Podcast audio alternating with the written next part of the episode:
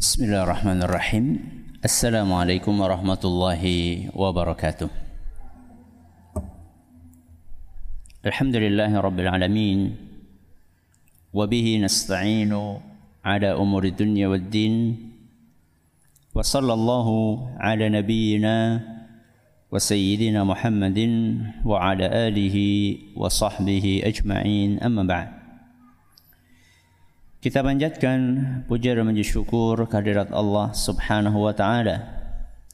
Pada kesempatan pagi menjelang siang yang berbahagia kali ini tanggal 15 Jumadal Ula 1443 Hijriah atau yang bertepatan dengan tanggal 20 Desember 2011 2021 kita masih kembali diberi kekuatan, kesehatan, hidayah serta taufik dari Allah Jalla wa. Sehingga kita bisa kembali menghadiri pengajian rutin Senin pagi di Masjid Manarul Ilmi di Komplek Pondok Pesantren Tunas Ilmu di Desa Kedunguluh Purbalingga ini. Kita berharap semoga Allah Subhanahu wa taala berkenan untuk melimpahkan kepada kita semuanya ilmu yang bermanfaat sehingga bisa kita amalkan sebagai bekal untuk menghadap kepada Allah Jalla wa Ala. Allahumma amin. Salam dan salam semoga senantiasa tercurahkan kepada junjungan kita Nabi Agung Muhammad sallallahu alaihi wasallam pada keluarganya, sahabatnya dan umatnya yang setia mengikuti tuntunannya hingga akhir nanti. Ibu-ibu yang kami hormati dan juga segenap pendengar serta pemirsa yang dirahmati oleh Allah SWT.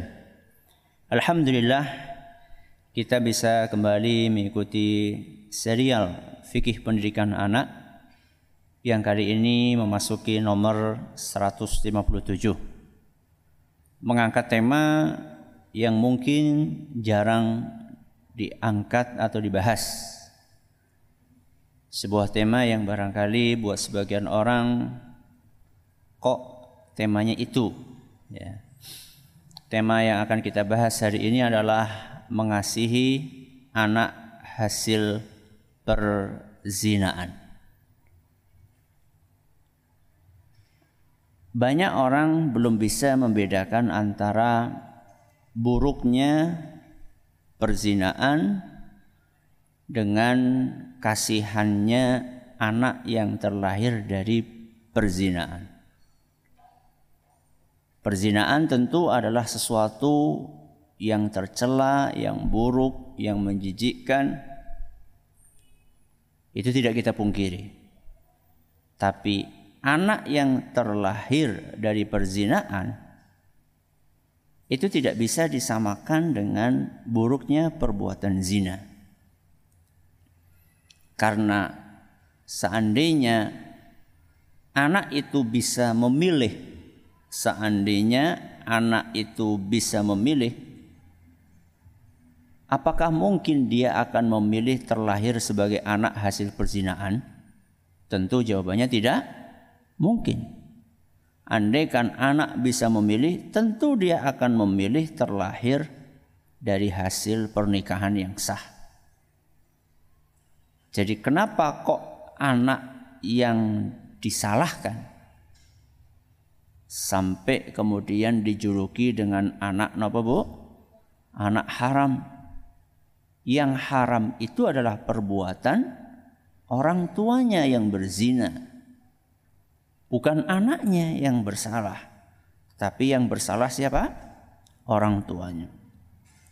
Nah, pertama saya ingin mengatakan bahwa zina adalah dosa yang salah satu dosa yang menjijikkan yang sangat dikecam di dalam agama Islam. Walaupun perzinahan itu dilakukan atas dasar suka sama suka. Ada sebagian kalangan di zaman ini sedang berupaya untuk melegalkan per perzinaan. Alasannya wong sama-sama nopo suka. Kalau misalnya segala perbuatan dilegalkan dengan alasan suka sama suka. Kalau begitu nanti perjudian pun bisa dinopo dilegalkan. Karena suka sama suka. Yang beli juga suka, bandarnya juga suka.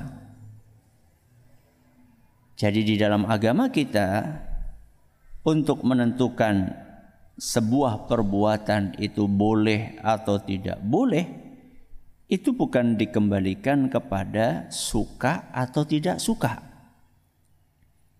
Tapi dikembalikan kepada aturan a, agama. Di mana Allah Subhanahu wa taala yang menciptakan manusia yang tahu persis sifat-sifat dan karakter manusia yang dia ciptakan.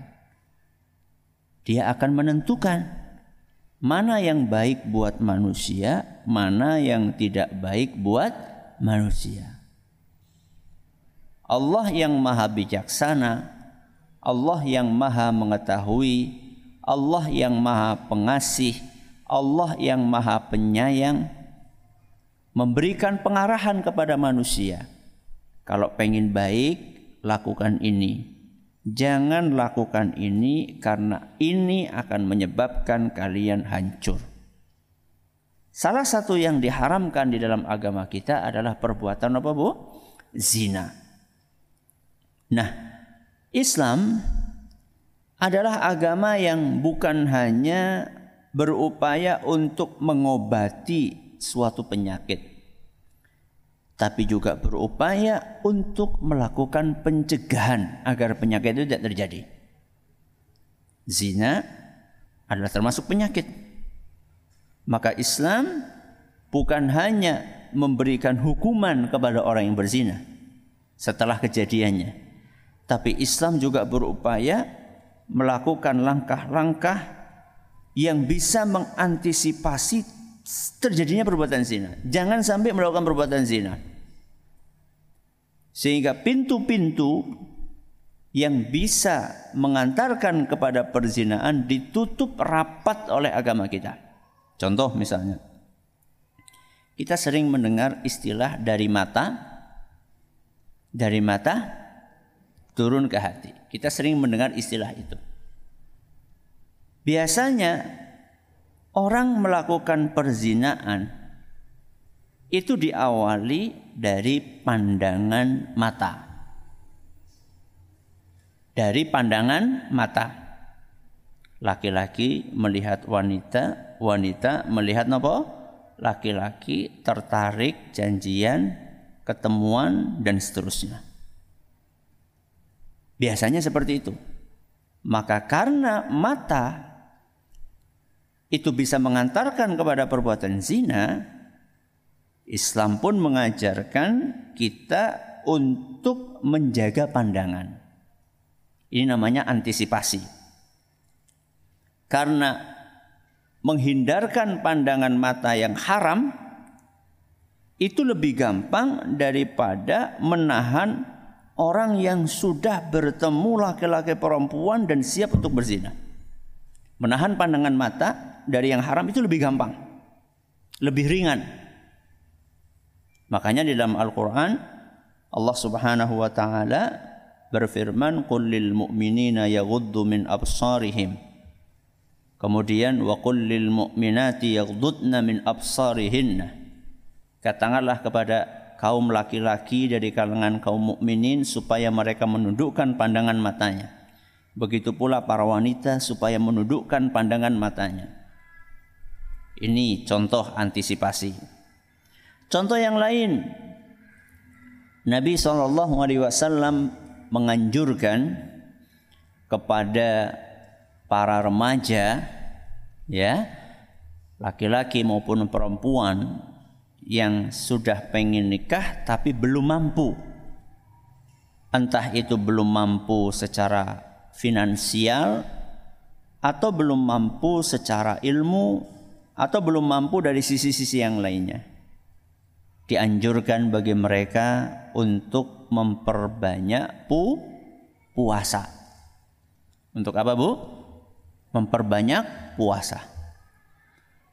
Fa'alaihi bis-saum atau fa'alaihi bis-siyam fa innahu lahu wija.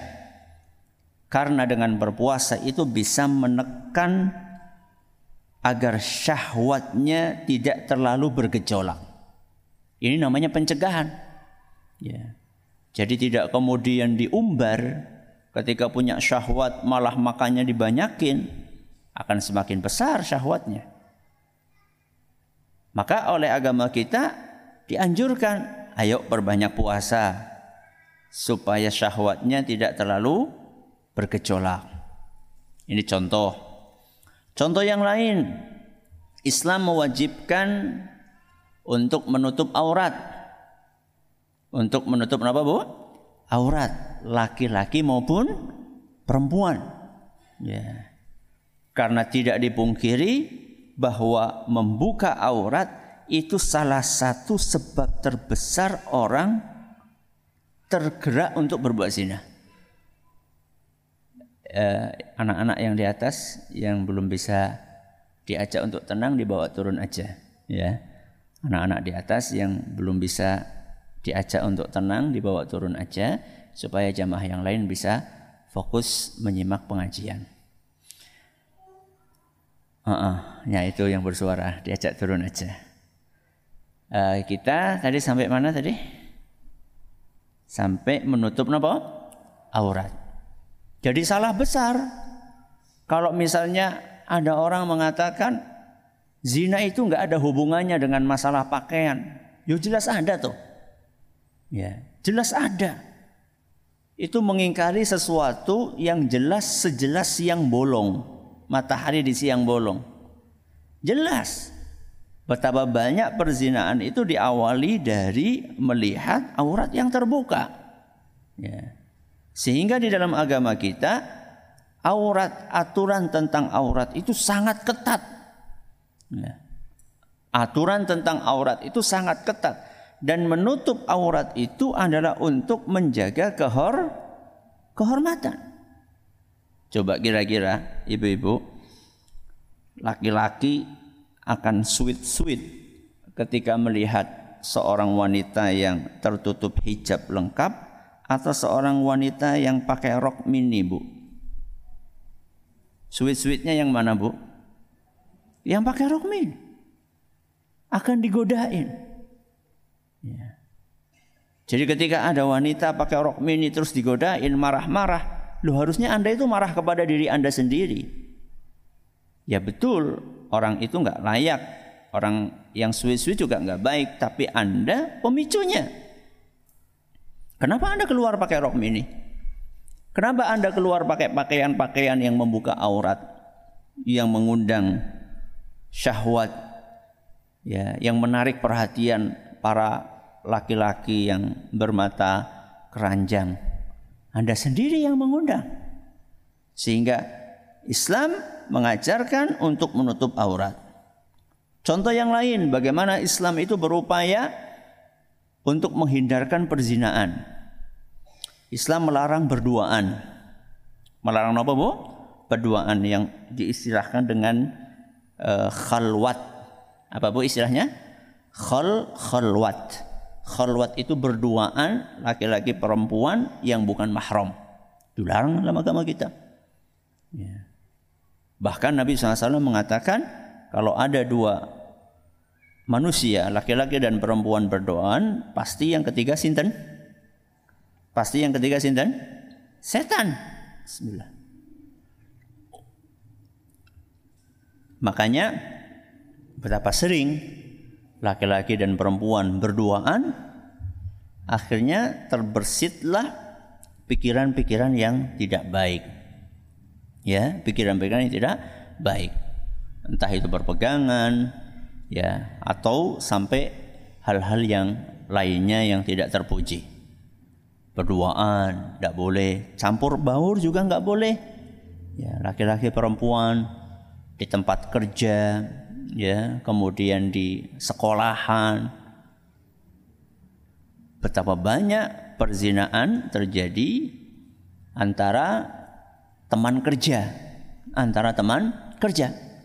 Ya. Antara bos dengan sekretarisnya, ya, antara atasan dengan bawahannya, antara teman satu tim. Begitu pula di sekolahan. Nauzubillah min dzalik betapa banyak anak-anak yang berzina dengan teman sekolahnya. Makanya Islam mewanti-wanti jangan ikhtilat itu istilahnya Bu. Ya, campur baur laki perempuan bukan mahram apa istilahnya Bu? Ikhtilat itu dilarang. Lah terus manusia kan punya syahwat. Bagaimana dia menyalurkannya? Islam memberi peluang atau mensyariatkan sesuatu yang bernama pernikahan. Ya. Pernikahan adalah cara terhormat untuk menyalurkan syahwat. Ya. Cara terhormat menyalurkan syahwat adalah dengan apa bu? Pernikahan. Di dalam pernikahan itu tidak ada yang dirugikan. Berbeda dengan perzinaan. Berbeda dengan perzinaan. Perzinaan pasti ada pihak yang dirugikan. Ya, betapa sering kita mendengar kisah wanita yang bunuh diri. Ya, kisah wanita yang menggugurkan kandungannya gara-gara dia hamil di luar nikah, kemudian dia malu. Lalu laki-lakinya tidak mau mengakui perbuatannya, tidak mau bertanggung jawab. Betapa banyak kita mendengar kisah seperti itu. Manusia punya syahwat perlu disalurkan. Disalurkannya dengan pernikahan. Ketika ada pernikahan, maka masing-masing punya tanggung jawab. Istri punya tanggung jawab untuk melayani suami, suami punya tanggung jawab untuk menafkahi istrinya.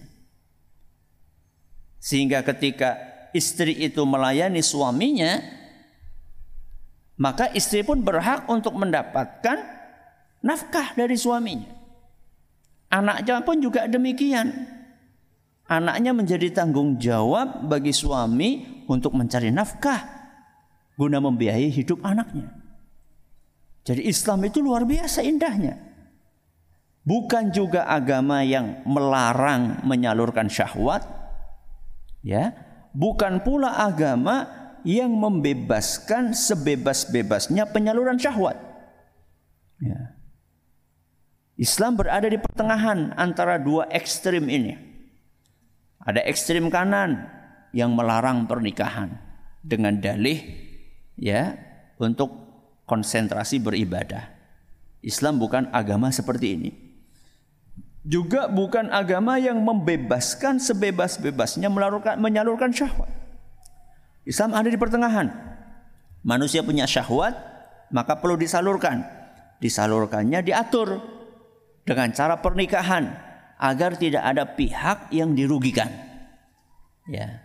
Kalau sekedar melakukan hubungan biologis tanpa ikatan pernikahan, nanti anak yang terlahir siapa yang biayai? Siapa yang ngurus? Wanita ini siapa yang nanti akan menafkahi kalau sekedar berzina saja? Maka diaturlah pernikahan. Setelah pernikahan laki-laki punya tanggung jawab, wanita punya tanggung jawab, masing-masing wajib menunaikan tanggung jawabnya. Dan nanti kalau nggak cocok gimana? Kalau seandainya tidak cocok pernikahan tersebut, kemudian sudah dilakukan berbagai macam uh, upaya untuk mendamaikan, ternyata tidak ketemu titik temu, tidak menemukan titik temu, maka Islam membolehkan adanya per per perceraian. Ya. Perceraian bisa menjadi solusi. Walaupun itulah solusi yang ter terakhir. Ya. Betapa banyak rumah tangga yang berantakan begitu bercerai ya akhirnya masing-masing nikah lagi dan hidup dalam suasana yang lebih kondusif dan nyaman. Jadi Islam bukan agama yang melarang penyaluran syahwat tapi mengatur dengan cara menikah. Ah, sekarang bagaimana kalau sudah menikah satu istri tapi belum cukup? Ada sebagian laki-laki seperti itu. Ya, Allah Subhanahu wa taala menciptakan manusia itu beda-beda. Ya. Kalau boleh saya umpamakan dengan lampu nggih Bu nggih. Lampu itu ada yang 5 watt, ada yang berapa watt?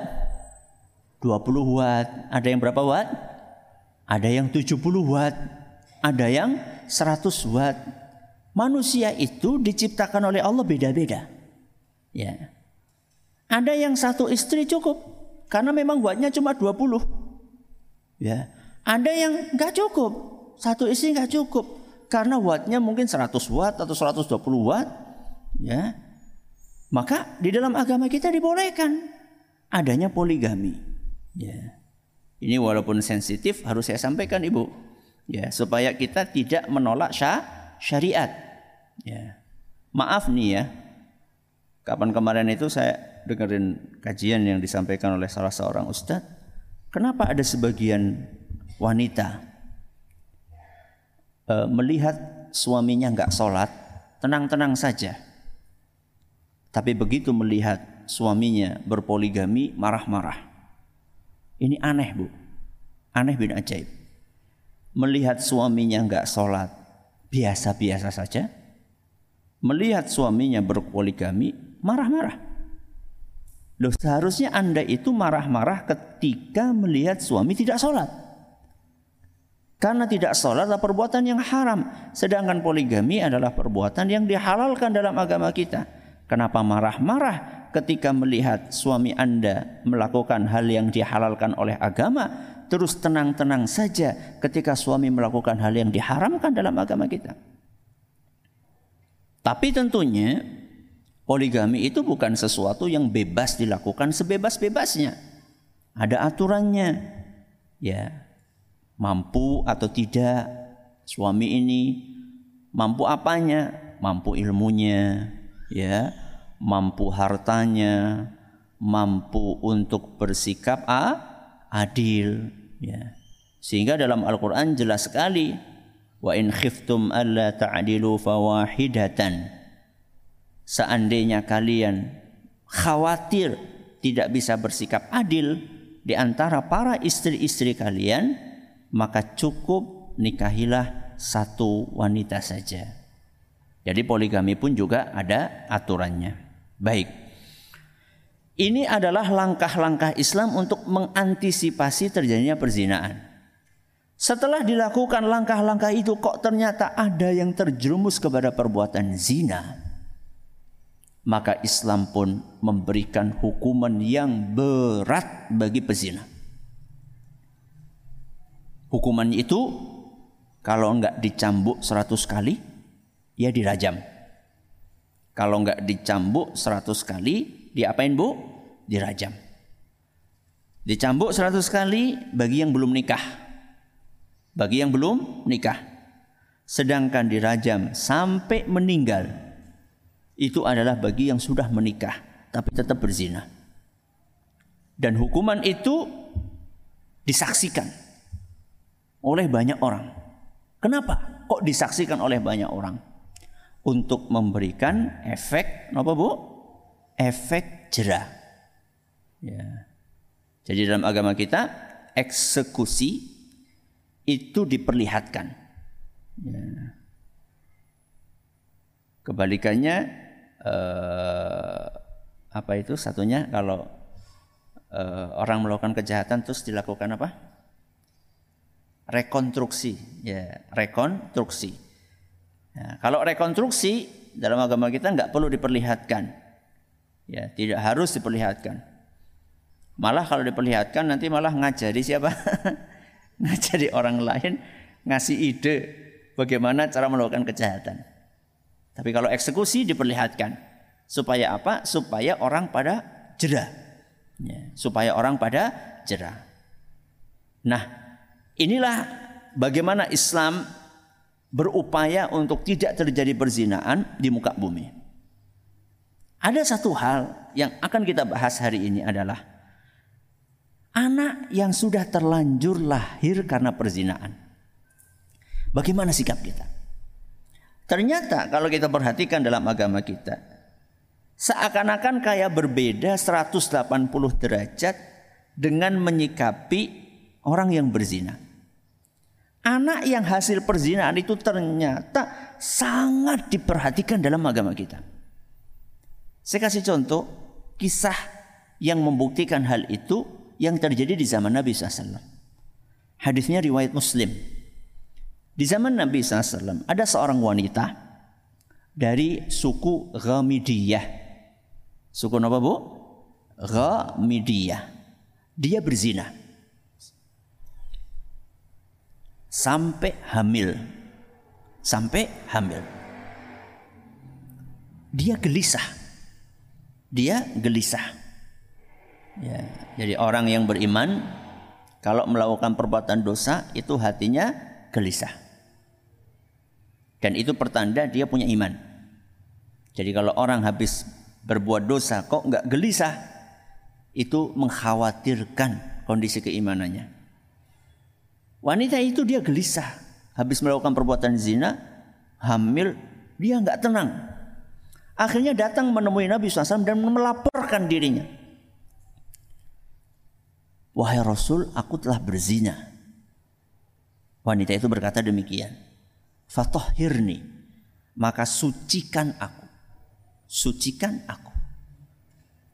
Jadi wanita itu ingin dihukum oleh Nabi SAW supaya bersih dari kotoran zina yang sudah terlanjur dia lakukan. Nabi Wasallam setelah yakin bahwa wanita itu memang betul-betul berzina dan hamil, maka Nabi Shallallahu Alaihi Wasallam pun berkata, pulang, pulang kamu sampai anak yang engkau kandung lahir.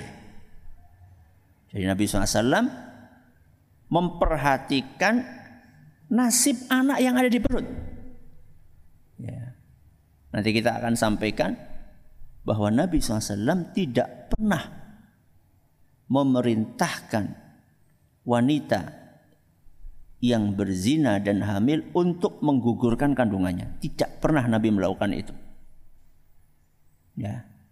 Gak pernah Nabi SAW menyuruh aborsi. Entah itu janinnya sudah sempurna atau belum sempurna. Nabi SAW justru mengatakan kepada wanita itu pulang tunggu sampai anakmu lahir. Sudah.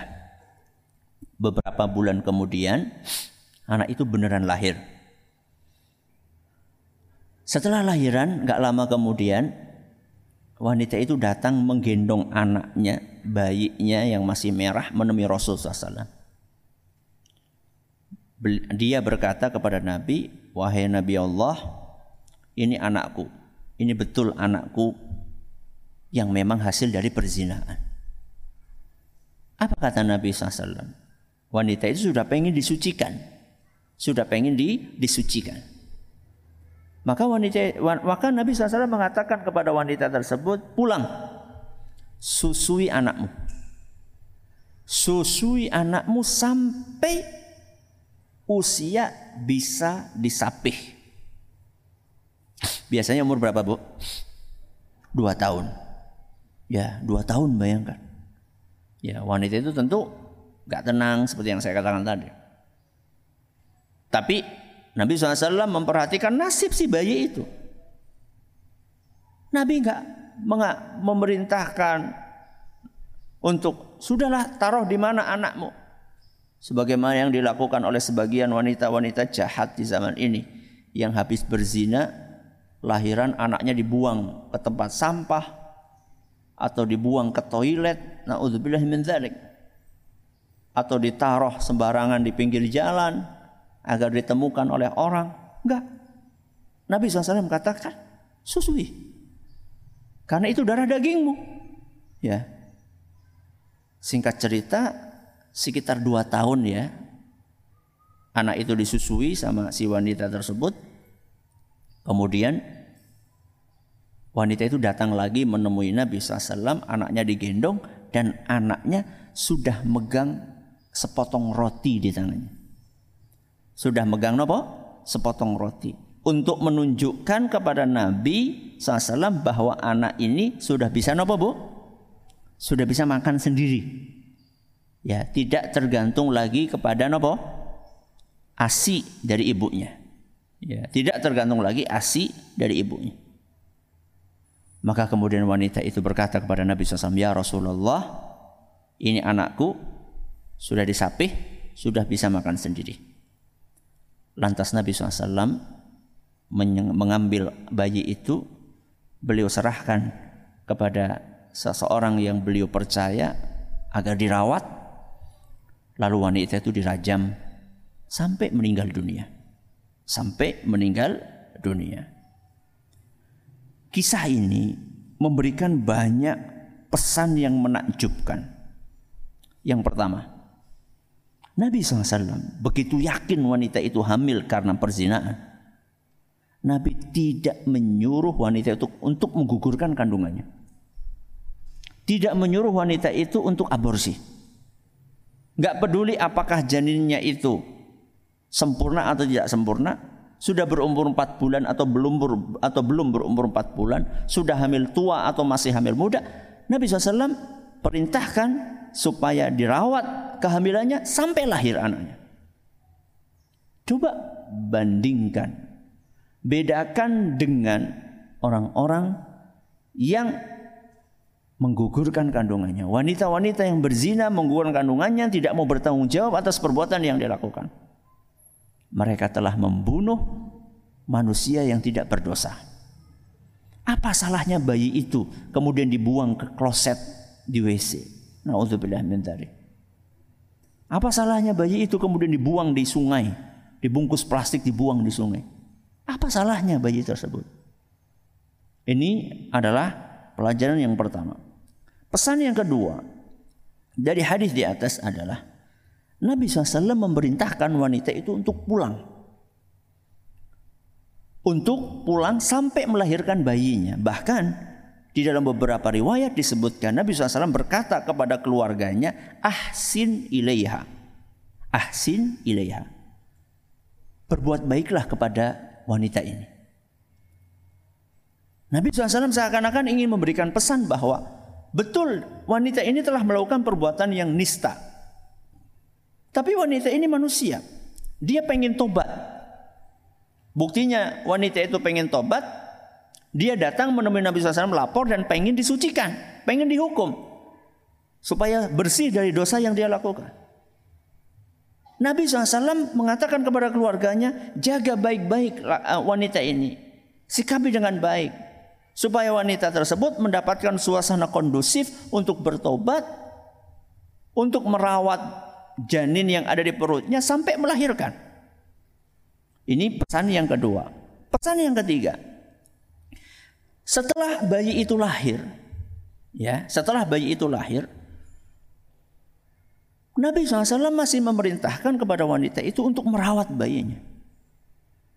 Walaupun bisa saja Nabi Shallallahu Alaihi Wasallam menugasi salah satu muslimah misalnya untuk ini tolong kamu susui wanita pezina itu dihukum. Ya langsung saat itu bisa saja. Tapi tentu berbeda ketika yang menyusui adalah ibu biologisnya sendiri dengan yang menyusui adalah wanita yang lain tentu berbeda Nabi SAW perhatikan itu Minta supaya disusui supaya gizi bayi itu asupannya benar-benar bisa tercukupi. Itulah sayangnya Nabi SAW kepada anak walaupun anak itu hasil perzinahan. Dan yang keempat pesan yang bisa kita ambil dari hadis itu, dari hadis ini adalah begitu wanita tersebut akan dijatuhi hukuman rajam, Nabi SAW menyerahkan bayi ini kepada orang yang beliau percaya. Beliau cari orang yang bisa dipercaya untuk merawat, mendidik anak ini. Jadi apa salahnya anak kemudian dikasih label anak nopo bu? Anak haram, anak jadah. Apa salahnya anak? Ya. Bahkan seharusnya label-label itu dihilangkan. Yang salah itu bukan anaknya, yang salah adalah bapak dan ibunya yang berzina.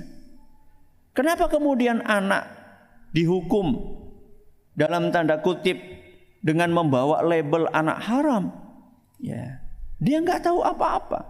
Seperti yang saya katakan tadi, seandainya anak itu bisa milih, dia tentu akan memilih terlahir dari pasangan yang terikat dengan pernikahan yang sah. Mana ada anak yang pengen terlahir dari ayah dan ibu yang melakukan perzinaan? Tidak ada anak yang pengen seperti itu. Tapi Allah takdirkan anak itu terlahir demikian. Maka kita sebagai umat Islam yang diajari dengan ajaran Islam yang menjunjung peradaban, kasih sayang, kita harus punya tanggung jawab untuk menjelaskan hal ini kepada umat. Jadi inilah tema yang kita bahas pada kesempatan kali ini mengasihi anak hasil apa? perzinaan jangan sampai anak itu kita labeli dengan label-label yang buruk karena yang salah bukan anaknya tapi yang salah sinten Bu orang tuanya dan orang tuanya hendaklah bertaubat dengan taubat yang nasuha kepada Allah Subhanahu wa taala karena tidak ada dosa yang tidak mungkin untuk diampuni seandainya pelakunya mau bertobat kepada Allah Azza wa Jalla. Masih ada sisa sedikit waktu silahkan. Kalau ada pertanyaan bisa disampaikan pertanyaannya Baik Ustaz, terima kasih jazakumullah khairan atas materi yang telah disampaikan. Berikut akan kami bacakan beberapa pertanyaan, banyak pertanyaan Ustaz yang telah masuk ke uh, nomor radio Insani. Pertanyaan pertama kami bacakan Assalamualaikum warahmatullahi wabarakatuh. Waalaikumsalam warahmatullahi wabarakatuh. Maaf Ustaz, uh, yang kita tahu doa untuk orang tua yaitu Allah Allahumma firli wali walidayya warahumah dan seterusnya. Lalu bagaimana dengan anak hasil zina sedangkan anaknya tidak tahu di mana ayahnya? Ketika anak ini mendoakan orang tuanya uh, sebagai bentuk amal soleh dan amal soleh doanya seperti apa Ustadz? Jazakallah khairan atas jawabannya. Yang namanya doa dari anak untuk orang tuanya itu tidak harus anak itu tahu siapa orang tuanya. Karena Allah Maha tahu. Ya. Jadi nggak usah takut nanti salah alamat misalnya. Enggak. Seperti orang yang misalnya tidak tahu di mana dimakamkan orang tuanya, misal ya. Karena mungkin dia terlahir dalam keadaan tidak tahu siapa orang tuanya. Ketika dia berdoa, Allahumma gfirli wali walidayya. Walaupun dia nggak tahu di mana orang tuanya, di mana dimakamkan, maka Allah Subhanahu wa taala akan berkenan untuk menyampaikan ya doa itu kepada orang tua yang telah melahirkan dia. Ya. Atau misalnya ke kuburannya tidak tahu karena orang tuanya itu tenggelam di samudra misalnya, ya. Kalau orang tenggelam di samudra beserta dengan kapal yang isinya sekian puluh atau ratus orang kemudian nggak ada jejaknya, ya kan tidak tahu di mana dimakamkan. Nah, apakah sampai ya sampai insya Allah, ya sampai. Ya selama orang itu memang orang yang beriman. Jadi tidak apa-apa mendoakan Allah maghfirli wali walidayya dan seterusnya. Ya. Baik Ustaz, terima kasih jazakallah khairan atas jawabannya. Pertanyaan berikutnya, Assalamualaikum Ustaz. Waalaikumsalam warahmatullahi uh, Ustaz, jika ada dua orang berzina, kemudian si wanitanya hamil, uh, kemudian setelah itu memutuskan untuk menikah. Ketika anaknya lahir perempuan, bagaimana perwalian anak hasil anak perempuan hasil perzinaan itu Ustaz ketika ingin menikah? Walinya adalah hakim. Ya, walinya adalah hakim. Uh, karena ayahnya itu tidak berhak untuk menjadi wali. Ya, karena nasabnya itu dinasabkan kepada ibunya ya nasabnya dinasabkan kepada ibunya. Bin siapa ibunya? Bukan kepada ayahnya. Dan kita tahu wali itu bukan laki-laki. Eh maaf wali itu bukan perempuan. Wali itu laki-laki. Sedangkan dia nggak punya ayah yang sah. Ya walaupun itu ayah secara biologis tapi itu bukan ayah yang sah dalam aturan agama kita. Sehingga walinya adalah hakim. Atau seandainya wanita itu adalah wanita janda dan dia sudah punya anak laki-laki, maka anak laki-lakinya kalau sudah balik bisa menjadi wali buat ibunya. Tapi kalau wanita itu adalah wanita eh, apa namanya eh, yang e, berzinanya dia dalam keadaan e, perawan ya belum punya anak maka dia tentu nggak punya e, wali ya nggak punya wali dari anaknya yang laki-laki maka yang jadi wali adalah hakim ya wali hakim atau kantor urusan agama ya Baik Ustaz, terima kasih jazakallahu khairan. Pertanyaan berikutnya datang dari hamba Allah yang ada di Jawa Barat. Assalamualaikum warahmatullahi wabarakatuh. Waalaikumsalam warahmatullahi wabarakatuh. Ustadz mohon arahan dan nasihatnya kapan waktu yang tepat untuk memberitahu ke anak bahwa dia adalah anak hasil zina di ruang nikah. Apalagi anak tersebut perempuan yang lebih mengedepankan perasaan sebagai orang tua saya khawatir dia akan stres, depresi dan tidak mau menerima kenyataan dan membenci orang tuanya. Kalau nggak perlu disampaikan, nggak usah disampaikan. Ya, kalau nggak perlu disampaikan, nggak usah disampaikan. Buat apa disampaikan? Ya. Nah nanti gimana kalau mau nikah? Ya Anda bisa melakukan uh, semacam olah kata, ya, semacam mengolah kata, mengolah kalimat yang kemudian yang jadi wali adalah uh, wali hakim. Ya, ayah misalnya bisa mewakilkan kepada wali hakim tanpa anak mengetahui. Ya, tanpa anak mengetahui. Ya.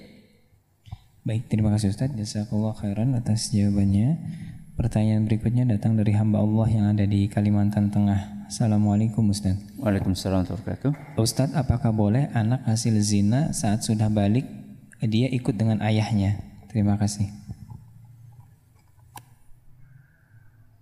Wallahu alam, tidak tahu sih.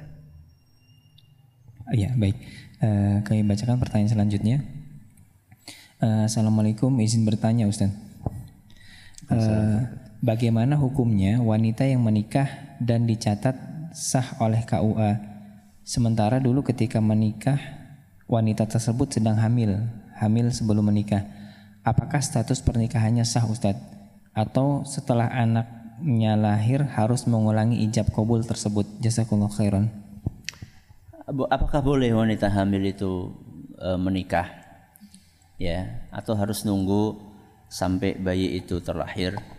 Itu ada perbedaan pendapat di antara para ulama kita.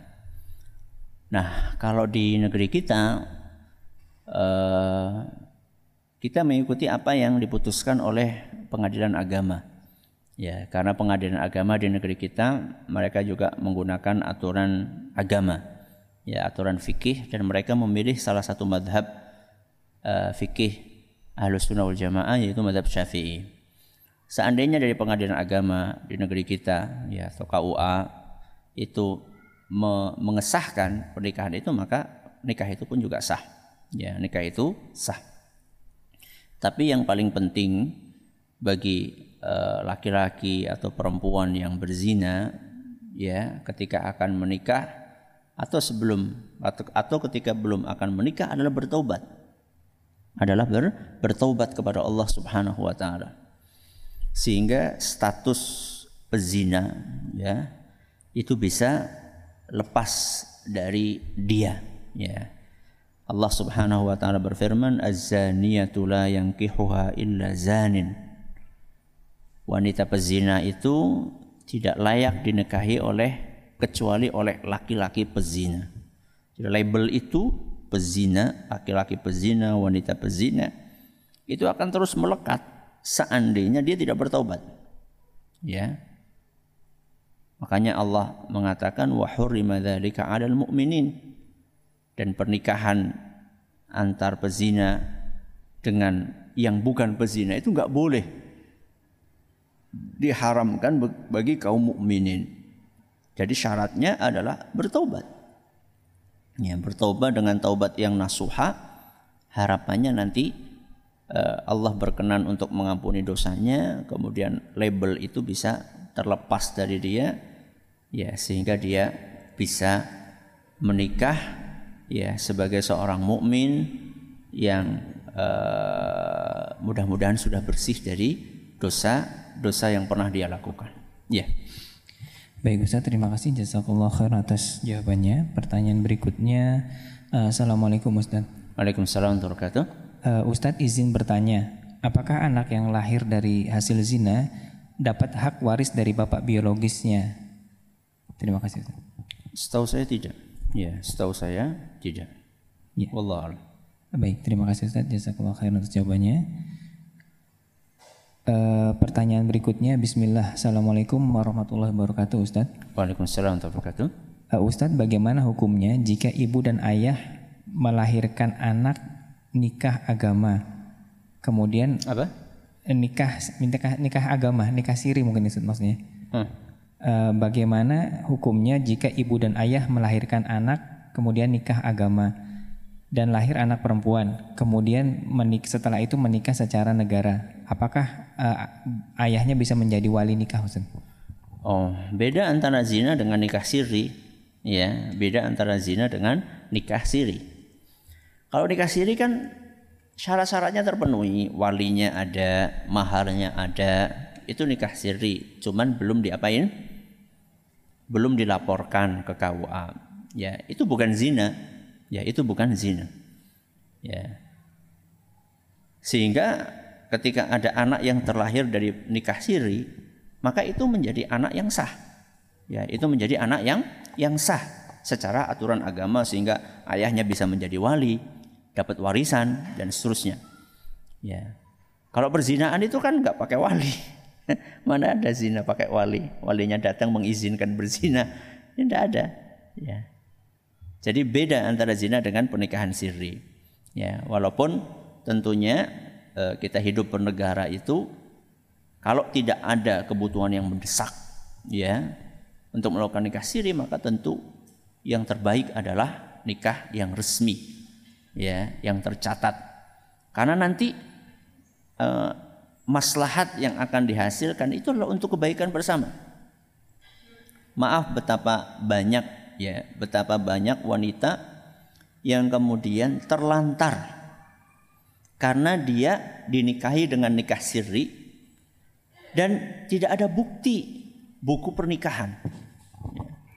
Kemudian laki-laki itu uh, menterlantarkan istrinya, wanita mau minta nafkah, mau menempuh jalur hukum nggak punya bukti, ya jangan jangan seperti itu. Ya. Walaupun uh, wanita ini dijadikan istri yang kedua. Ya, ini saya nasihatkan kepada para wanita, para muslimah, kalau Anda akan dijadikan istri yang kedua, ya, minta supaya dinikahi secara resmi. Ya, tercatat. Ya. Jangan mau dinikahi uh, secara sirri. Ya, minta nikah yang resmi. Ya, karena ini untuk kebaikan Anda dan juga nanti kebaikan anak Anda. Ketika anak terlahir, kemudian tidak ada bukti e, resmi pernikahan, nggak ada buku nikahnya, nanti anak dapat e, apa namanya itu akte dari mana? Ya.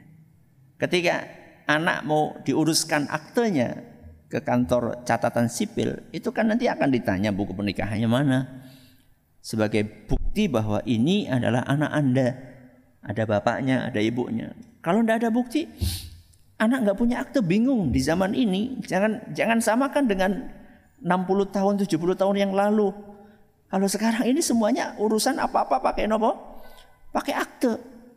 Ya, jangan sampai anak kita nanti terlunta-lunta karena nggak punya akte. Ya.